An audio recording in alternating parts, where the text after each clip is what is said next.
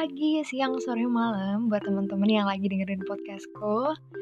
Aduh, aku excited banget nih karena ini podcast pertama aku. Jadi selain aku aktif di blog, aku juga mencoba buat bikin podcast. Barangkali teman-teman yang gak suka baca tulisan panjang, kalian bisa dengerin podcastku ini. Dan kali ini aku mau ajak kalian ngobrol tentang perencanaan. Jadi mungkin kalian pernah dong ya merencanakan sesuatu, punya target, dan lain sebagainya. Sama, aku juga. Aku punya perencanaan nggak mungkin cuma satu, pasti lebih dari satu. Dan sebenarnya perencanaan itu penting nggak sih? Kalau menurut aku pribadi nih, perencanaan itu penting pakai banget. Karena selain kita bisa ngatur waktu, kita tahu prioritas apa yang akan kita lakukan pertama kali atau kita bisa tahu kesempatan apa yang akan kita ambil. Dan kita bisa membentuk peluang serta tahu banget nih dampak apa sih yang akan kita dapetin ketika kita milih perencanaan A atau kita milih perencanaan B. Dan selain itu juga dari perencanaan kita bisa refleksi diri dan atau evaluasi diri. Kira-kira ketika kita udah merencanakan target apa ya yang belum kita capai, kenapa ya nggak berhasil kita capai, atau karena usaha dan doanya kurang, atau memang kita niatnya yang tidak benar dan lain sebagainya. Nah, dari perencanaan itu kita bisa melakukan evaluasi diri, teman-teman. Dan kadang nih ada orang yang mungkin lebih milih ah ngapain sih hidup punya rencana? Mending let it flow aja kayak air yang mengalir. Tapi teman-teman fun factnya bahwa tidak semua air itu mengalir ke tempat yang diharapkan loh atau bermuara di tempat yang jernih atau di samudera atau di laut Bahkan air itu ada yang terperangkap di suatu genangan atau bendungan karena suatu material tertentu. Jadi nggak kebayang dong gimana kalau hidup kita itu kayak air yang tergenang dan kita terperangkap dalam suatu genangan. Atau contohnya waduk dan juga bendungan. Ya kita di situ-situ aja gitu. Dan kali ini aku mau share pengalaman aku sendiri. Uh, jadi biar ada kisah nyatanya ya. Perencanaan itu penting gak sih? Penting banget. Yang udah kayak aku bilang tadi. Contohnya dulu aku pengen banget masuk UGM. Dan alhamdulillah udah masuk sih sekarang. Jadi teman-temanku dulu waktu SMA sempet yang kayak jatuhin ya biasalah orang kan ngejatuhin banyak ya tapi menurutku dari kata-kata yang menjatuhkan itu aku buat motivasi untuk belajar sungguh-sungguh masuk UGM merupakan mimpi besar dan untuk dapetin mimpi besar otomatis harus punya mimpi-mimpi kecil yang harus kita lakukan. Nah, mimpi kecil yang aku lakukan waktu SMA itu belajar dan berdoa. Wah, ini pasti nih, teman-teman pasti juga ngelakuin kan.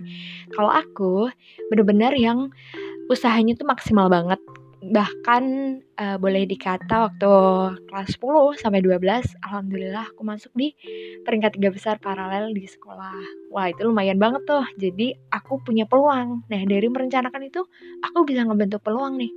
Kira-kira aku berpeluang nggak ya buat masuk UGM? Wah, ternyata berpeluang karena bisa masuk di penelusuran bibit unggulnya UGM tanpa tes gitu. Dan kemudian aku ada tips buat kalian yang mungkin punya perencanaan banyak, mungkin perencanaannya sampai usia 30 atau apa. Nah, ini ada beberapa tips dari aku yaitu pemetaan rencana. Jadi, rencana itu bisa dipetain, teman-teman. Yang pertama, kita bisa merencanakan atau menuliskan target jangka panjang sampai usia ya mungkin 50 sampai 60 tahun dan ini kira-kira target apa aja sih yang harus kita raih ketika kita usia 50 tahun gitu. Jadi target ini sederhana sih, sederhana bisa kalian buat di jurnal atau di planner book atau di misalkan di aplikasi digital kalian masing-masing. Nah, perencanaan usia 50 tahun ini misalkan kamu usia 23 tuh mau ngapain sih? Usia 30 tahun mau ngapain, usia 45 tahun mau ngapain, mau punya apa, mau sama siapa, dan lain sebagainya. Kemudian tips yang kedua adalah menuliskan target jangka menengah. Nah, jangka menengah ini contohnya untuk 3-5 tahun ke depan. Misalkan kalian sekarang mungkin sedang kuliah di tahun kedua atau tahun ketiga. Nah, kira-kira 3 tahun setelah kalian kuliah, kalian mau ngapain sih? atau kalian mau studi lanjut luar negeri atau dalam negeri atau mungkin kerja atau mungkin nikah. Nah, ini nih kalian bisa merencanakan. Jadi seolah-olah hidup tuh kita tahu gitu loh arahnya mau ke mana. Nggak cuman sekedar oh ya udahlah nanti habis lulus ya lihat aja nanti kayak gimana. Nah, itu jangan jangan sampai ketika udah lulus beneran wah bingung kan habis ini mau ke mana ya? Karena nggak punya perencanaan sebelum lulusnya gitu. Dan tips yang ketiga adalah menuliskan target jangka pendek. Nah, target jangka pendek ini kisaran 6 bulan teman-teman. Jadi, ibarat kata kayak monthly planner gitu. Dan target jangka pendek ini pasti lebih detail untuk dituliskan. Misalnya nih, kalian seorang mahasiswa. Ini kan bulan Agustus dan mungkin 6 bulan ke depan apa ya yang harus aku raih? Misalkan 6 bulan ke depan kalian bakal pengen punya target untuk dapat indeks prestasi semester atau IPS cum laude. Ya udah ditulis aja di perencanaan kalian. Jadi mungkin barangkali dari suatu perencanaan itu menjadikan kalian apa ya kemauan yang besar untuk melakukan dan hingga bermuara kepada suatu pencapaian gitu. Jadi kayak ada dorongan besar gitu. Kalian udah rencanain dan kalian pengen banget nih ngedapetinnya gitu.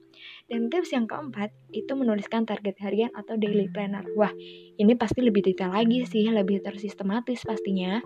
Karena target ini dibuat harian gitu dari hari Senin sampai Minggu. Kira-kira hari Senin nanti aku mau ngapain ya? Atau misalkan aku mau nyuci baju atau mau beli barang sesuatu atau mungkin nih kalian cocok banget nih yang memang aktif di organisasi atau aktif nggak event di kampus atau sibuk kuliahnya, praktikumnya, kalian bisa bikin daily planner ini.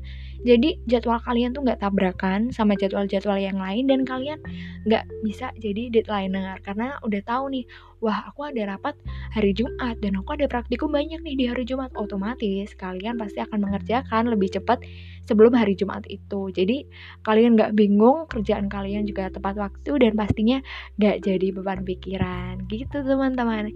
Dan tips yang kelima, ini yang terakhir, yaitu membuat evaluasi pencapaian tengah tahun. Nah, kalian yang ikut organisasi atau komunitas pasti sering dong dengar ETT.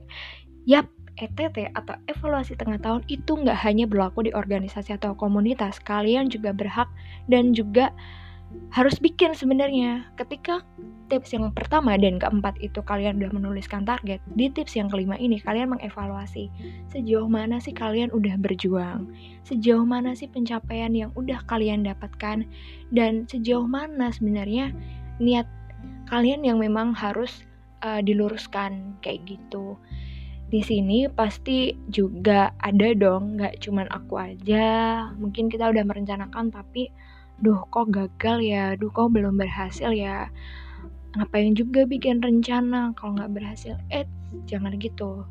Kita harus bikin rencana, tapi sebaik-baik rencana itu pasti rencana dari Tuhan yang Maha Esa.